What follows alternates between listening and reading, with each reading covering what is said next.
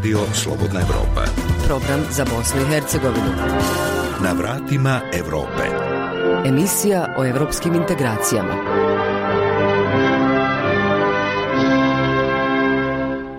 Poštovani slušalci, iz Sarajeva vas pozdravlja Gordana Sandić Hadži Hasanović. U ovoj emisiji možete čuti Komisija Bosne i Hercegovine za saradnju s NATO-om usvojila nacrt programa reformi za ovu godinu. Sve ono što se odnosi na saradnju sa NATO-om, to je realno.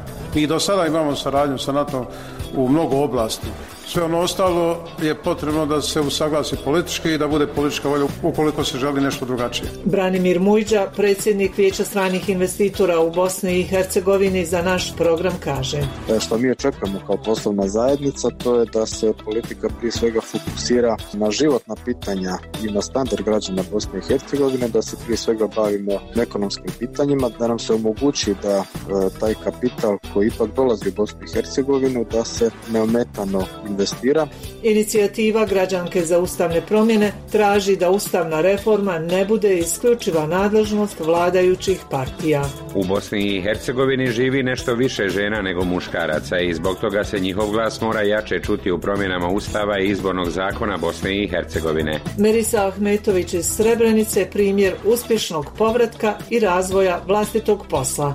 Ja sam dobro razradila svoj biznis plan, vjerujem da ću uspjeti u ovom mom poslu. Odlučila sam da registrujem poljoprivredno gazdinstvo. A sada opširnije o najavljenim temama. Na vratima Evrope.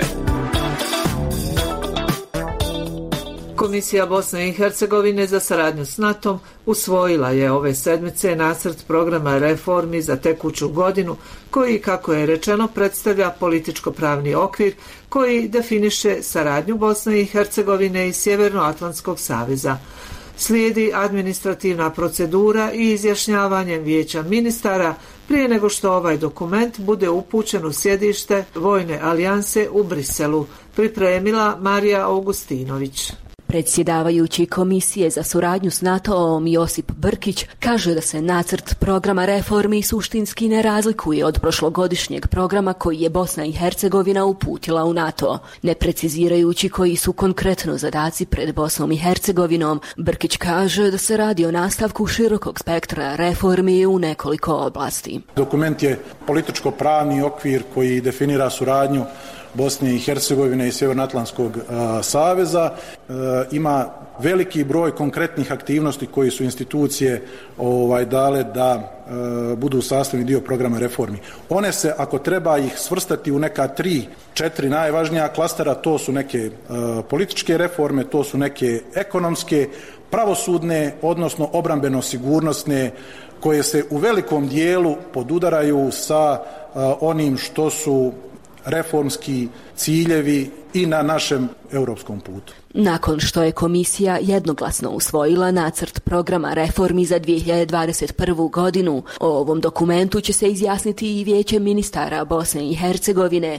uz prethodno mišljenje Državnog ministarstva financija i Ureda za zakonodavstvo. Govoreći o datumu upućivanja konačnog teksta programa reformi u Brisel, Brkić naglašava da će on ovisiti o institucijama koje će biti uključene u cjelokupni proces. Opremiti ga dakle svim potrebnim mišljenjima i upućivati, odnosno uputiti prema e, vijeću ministara gdje ima jedna vrlo važna međufaza, to su te en konsultacije. Nakon toga ponovno će se povjerenstvo ovaj susresti i naravno onda nacrt u formi prijedloga e, nakon naše refleksije na sve te e, eventualne primjedbe i prijedloge koji mogu doći uputiti prema vijeću ministara. Iz Komisije za suradnju s NATO-om tvrde da će program reformi u odnosu na prethodni biti transparentniji, odnosno da će biti dostupan javnosti. Zamjenik predsjedavajućeg komisije Muhamed Smajić optimističan je i kada je riječ o provedbi zacrtanih ciljeva.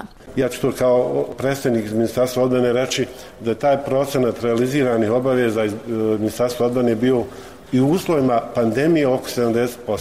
Mi smo za 2021. godinu optimisti da ćemo taj procenat podići malo veće stepen. Idemo transparentno u javnost, znači tako da će e, javnost u cijelosti biti upoznate znači kroz ovaj postupak i svi oni zainteresirani će imati mogućnost uvida, sugestija. Usvajanje ovogodišnjeg programa reformi kao kompromisnog rješenja umjesto godišnjeg nacionalnog plana bio je i prvi zadatak nedavno formirane komisije za suradnju s NATO-om. Podsjećamo, odluku o formiranju te komisije donijelo je 24. februara ove godine Vijeće ministara BiH.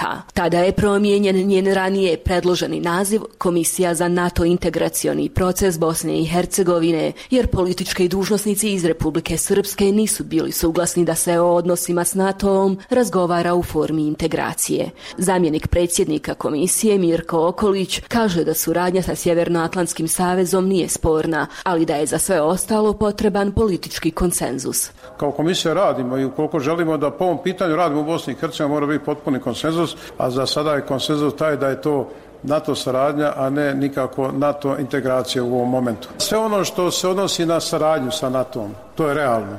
Mi do sada imamo saradnju sa NATO u mnogo oblasti. Sve ono ostalo je potrebno da se usaglasi politički i da bude politička volja ukoliko se želi nešto drugačije. Provođenje aktivnosti za prijem u NATO obaveza je Bosne i Hercegovine iz zakona o odbrani koji je usvojen 2005. godine. U decembru 2006. godine Bosna i Hercegovina je potpisala sporazum o pristupanju partnerstvu za mir, a 2018. godine dobila je zeleno svjetlo za aktiviranje akcionog plana za članstvo u NATO-u. Danas je jedina država koja sudjeluje u akcionom planu nakon što su u NATO primljene Sjeverna Makedonija u martu 2020. i Crna Gora u junu 2017. godine. Reforme za Evropu. U današnjoj emisiji govori Branimir Mujđa, predsjednik Vijeća stranih investitora u Bosni i Hercegovini i generalni direktor tvornice cementa Kakanj. Koliko je pandemija COVID-19 uticala na pad stranih investicija u Bosni i Hercegovini? Pa ukoliko je suditi po nekim egzaktnim e, podacima koje objavljuje Centralna banka periodično, e, prvo polugodište 2020. ako je neko mjerilo u odnosu na ovu godinu, onda su investicije manje za prilike 46%.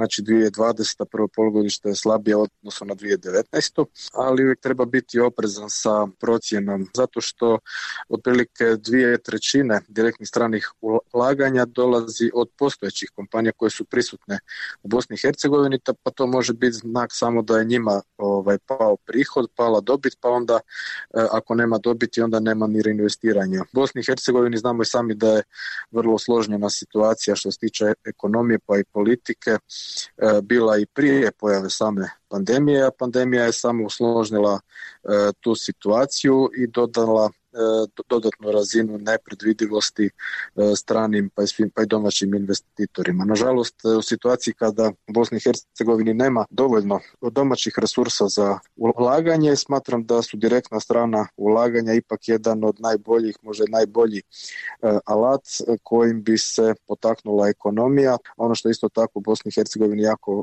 važno, to je da privučemo i neke nove tehnologije, da smanjujemo CO2 emisije, da se fokusiramo na proizvodnju jer ne postoji u zapadnoj Europi ni jedan primjer uspješne, ekonomski uspješne zemlje, a koja svoj razvoj ne bazira prije svega na industriji.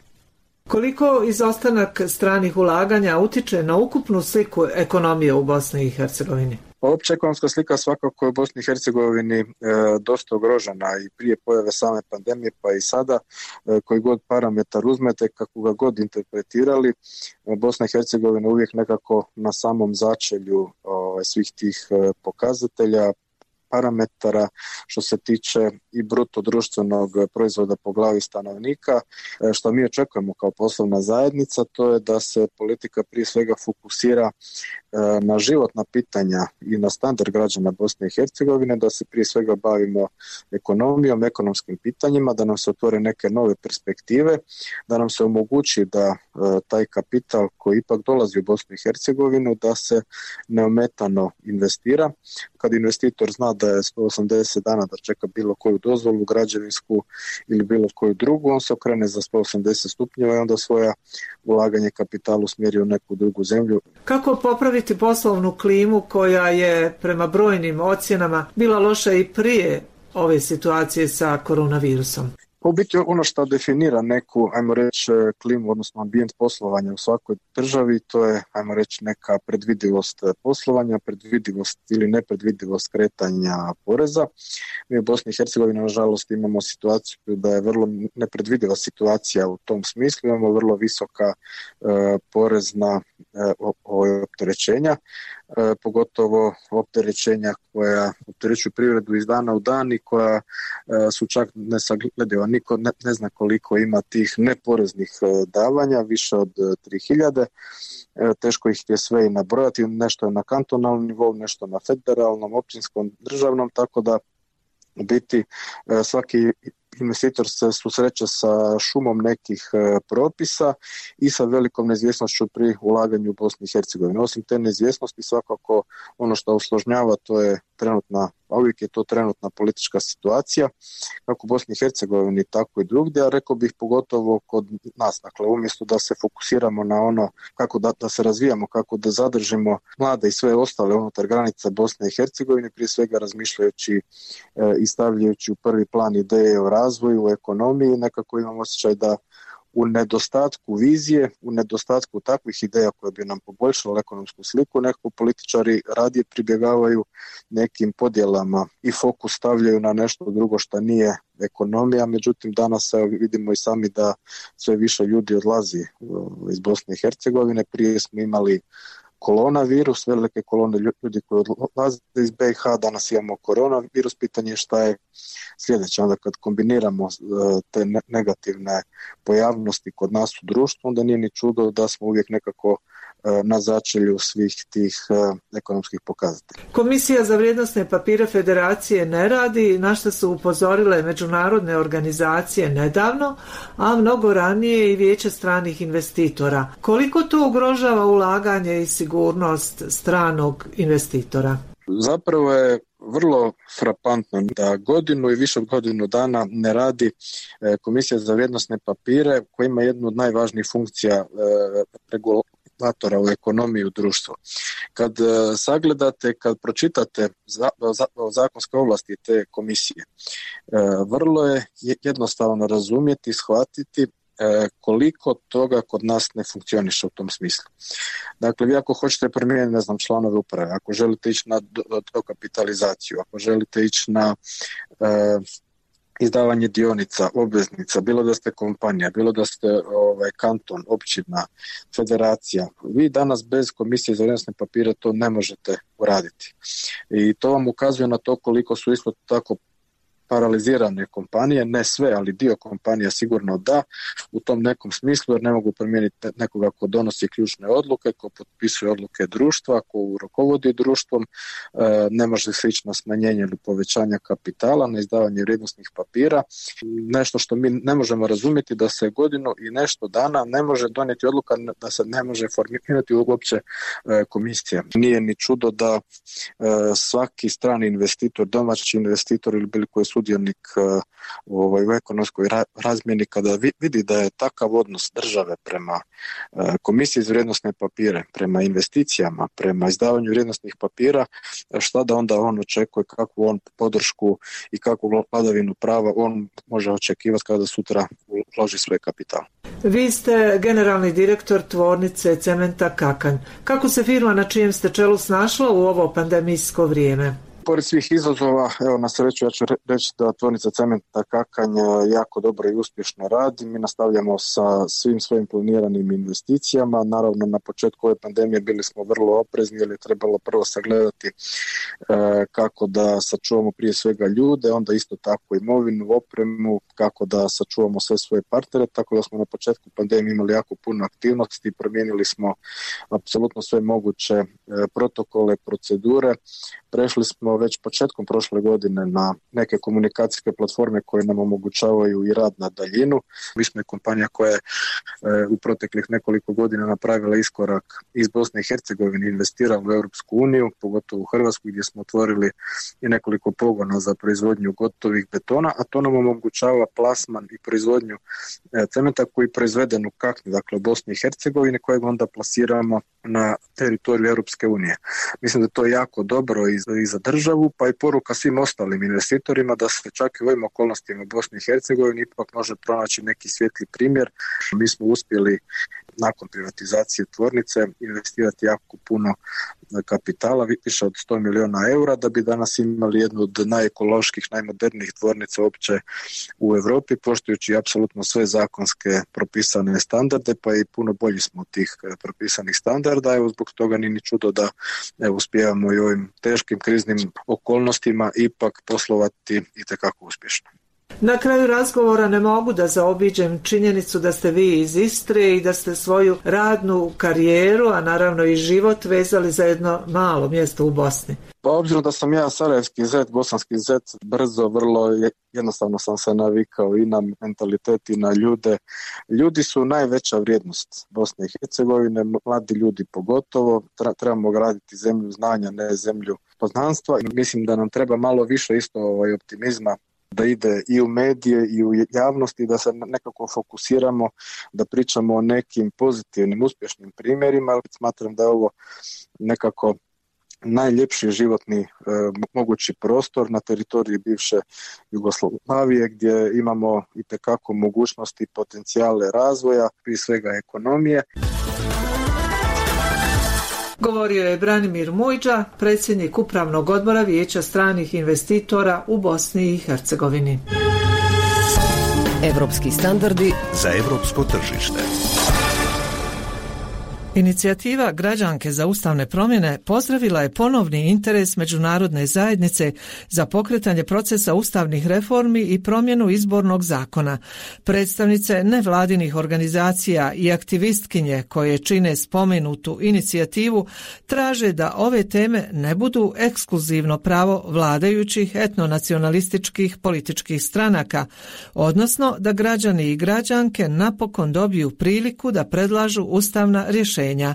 Pripremio Arnes Grbešić. U Bosni i Hercegovini živi nešto više žena nego muškaraca i zbog toga se njihov glas mora jače čuti u promjenama Ustava i izbornog zakona Bosne i Hercegovine. Smatraju to predstavnice nevladinih organizacija i aktivistkinje koje čine inicijativu građanke za ustavne promjene. Glasnogovornica spomenute inicijative je Medina Mujić iz Sarajevske fondacije Cure. Ustav države bi trebao biti sve ono što nažalost danas Ustav Bosne i Hercegovine nije. Ustav bi trebao biti prostor kojim se uvažavaju sve potrebe društva, definišu, regulišu i unapređuju društveni odnosi muškaraca i žena, kao i njihov odnos prema državi, ali i ravnopravan i jednak odnos države prema svima koji u njoj žive. Nažalost, ne možemo govoriti o demokratskoj državi i demokratskom ustavu ako njegovo kreiranje nije rezultat konsultacija sa mnogo mnogobrojnim akterima i akterkama društva. Ne možemo ovaj ustav smatrati svojim ako u procesu reforme mi građani i građanke Bosne i Hercegovine nemamo priliku učestvovati, a ono na što posebno stavljamo fokus i skrećemo pažnju jeste da ne možemo vjerovati ustavu ako on zanemaruje prava 51% stanovništva i ako žene opet ne učestvuju u njegovom donošenju. Budući proces ustavnih reformi, navodi dalje Medina Mujić, trebalo bi da počiva na kvalitetnoj javnoj debati i saradnji između civilnog sektora, akademske zajednice, medija i institucija Bosne i Hercegovine s ciljem uspostavljanja pune ravnopravnosti i jednakosti građana i građanki, posebno u kontekstu europskih integracija, kao i implementaciji presuda Europskog suda za ljudska prava, odnosno eliminaciji diskriminacije u izbornom procesu. I Hercegovine prestane biti politikanska tema i ekskluzivno pravo vladajućih etno-nacionalnih političkih partija, te da građani i građanke napokon bi trebalo da dobiju priliku da kreiraju prioritete i predlažu ustavna rješenja. Građanke za ustavne promjene okupljaju 36 nevladinih organizacija i aktivistkinja koje su učestvovale u izradi dokumenta pod nazivom Platforma ženskih prioriteta za ustavne promjene sa amandmanima na Ustav Bosne i Hercegovine iz rodne perspektive. Na tome je radila i Leila Gačanica, nezavisna istraživačica u oblasti ljudskih prava i antidiskriminatornih standarda. To i jeste međunarodna obaveza prema e, konvenciji o eliminaciji svih oblika diskriminacije koja čini sastavni dio našeg ustava i o kojoj e, zapravo komitet koji procjenjuje o primjeni e, ove konvencije jeste zaključio u dva zadnja razmatranja da bi intervencije u sami ustav u smislu da se ugradi izrade principi rodne ravnopravnosti bile neophodne. Otvoreno pismo sa stavovima o ustavnim i promjenama izbornog zakona Bosne i Hercegovine ove ženske inicijative zapravo predstavlja opomenu javnosti, kaže predsjednica Udruženja građanki Grahovo Danka Zelić. Pošto svi znamo u kakvim okolnostima je taj Dejtonski mirovni sporazum usvojen prije više 25 godina, da u njemu nisu uh, učestvovale žene, donekle možda opravdano zbog uh, trenutnih tada situacija rata i svega ostalog. Međutim, sada 25 godina i više nakon rata, mislim da bi prvenstveno oni koji odlučuju o tome, a to su, ja to stavljam pod navodnike, velike političke uh, stranke koji 25 godina djeluju u Bosni i Hercegovini, koji to pri kraju prave, ne bi smjele i ne smiju jednostavno izostaviti žene kao građanke iz ovog procesa, jer mislim onda izostavljaju 51% stanovništva BiH. A na pitanje postoje li zainteresovanost i spremnost na političkoj sceni u Bosni i Hercegovini za ovakve i slične prijedloge, naše sagovornice iz inicijative građanke za ustavne promjene kažu da na to nije jednostavno odgovoriti. Medina Mujić, Fondacija Cure. Moj odgovor bio nekako neodređen. Zavisi o čemu se radi. Znači, ako govorimo o predstavnicima političkih stranaka, ukoliko procijene da im je neka od tema važna, svakako da e, ostvaruju saradnju sa predstavnicima civilnog sektora, odnosno predstavnicima nevladnih organizacija, ali u većini slučajeva nekako njihove politike su kreirane na način prikupljanja glasova, što boljeg plasmana nakon izbora i nekako oni su negdje uvijek u utrci ono, ostvarivanja mjesta i slično. Nezavisna istraživačica Leila Gačanica sklonija je mišljenju da je među političkim akterima teško pronaći partnere za ovu vrstu razgovora sa nevladinim sektorom. Ne bih rekla da su spremni, no zbog toga građanski zahtjevi moraju biti glasni, moraju biti artikulisani, moraju biti prisutni. Mislim da je krajnje vrijeme da se ustavna reforma i bilo koji razgovori o ustavnoj reformi počnu dešavati unutar građanskog diskursa.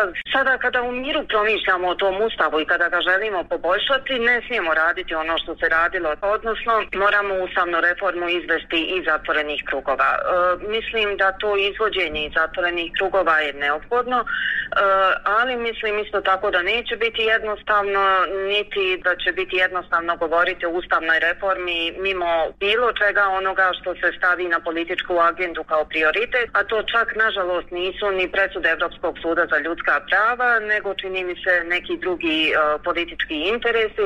I još jednom predsjednica Udruženja građanki Grahovo, Danka Zelić. Oni ovakve stvari čuju sigurno zadnjih deseta godina, ali se pravi da ih ne čuju. To je ono što se mora uključiti jednostavno da bi ovaj problem isplivao na površinu, da bi jednostavno se ovo uzelo kao relevantno. Znači kako u izmjeni, izmjeni Ustava Bosni i Hercegovine, tako evo i u ovome promjeni izbornog zakona u Bosni i Hercegovini. Slušajte nas, gledajte nas, čitajte nas. Sve na jednoj adresi slobodnaevropa.org. Kad se zavičaj voli, onda mu se vratiš bilo gdje da odeš. To pokazuje primjer Merise Ahmetović iz Srebrenice, koja je, nakon niza godina provedenih u izbjeglištu, došla u svoj grad.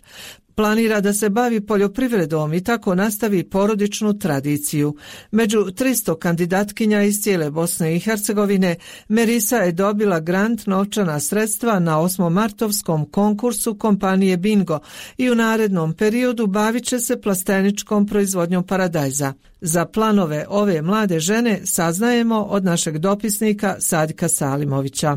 Merisa je odrasla u porodici koja se bavila poljoprivredom i po povratku u Srebrenicu odlučila je da nastavi tradiciju. Imam 28 godina, majka sam dvoje djece, sretna sam udata, vratili smo se u Srebrenicu, e, trenutno žima kao postanar, ali smo kupili kuću u Dugom polju.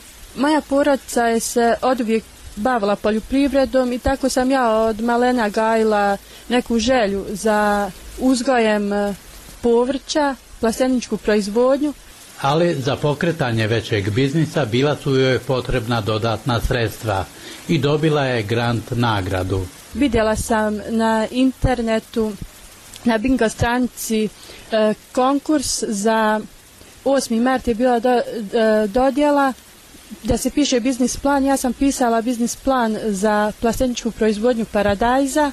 Bilo je 300 učesnica, od tih 318 prošla u uži krug Ja sam dobitnica granta od 3000.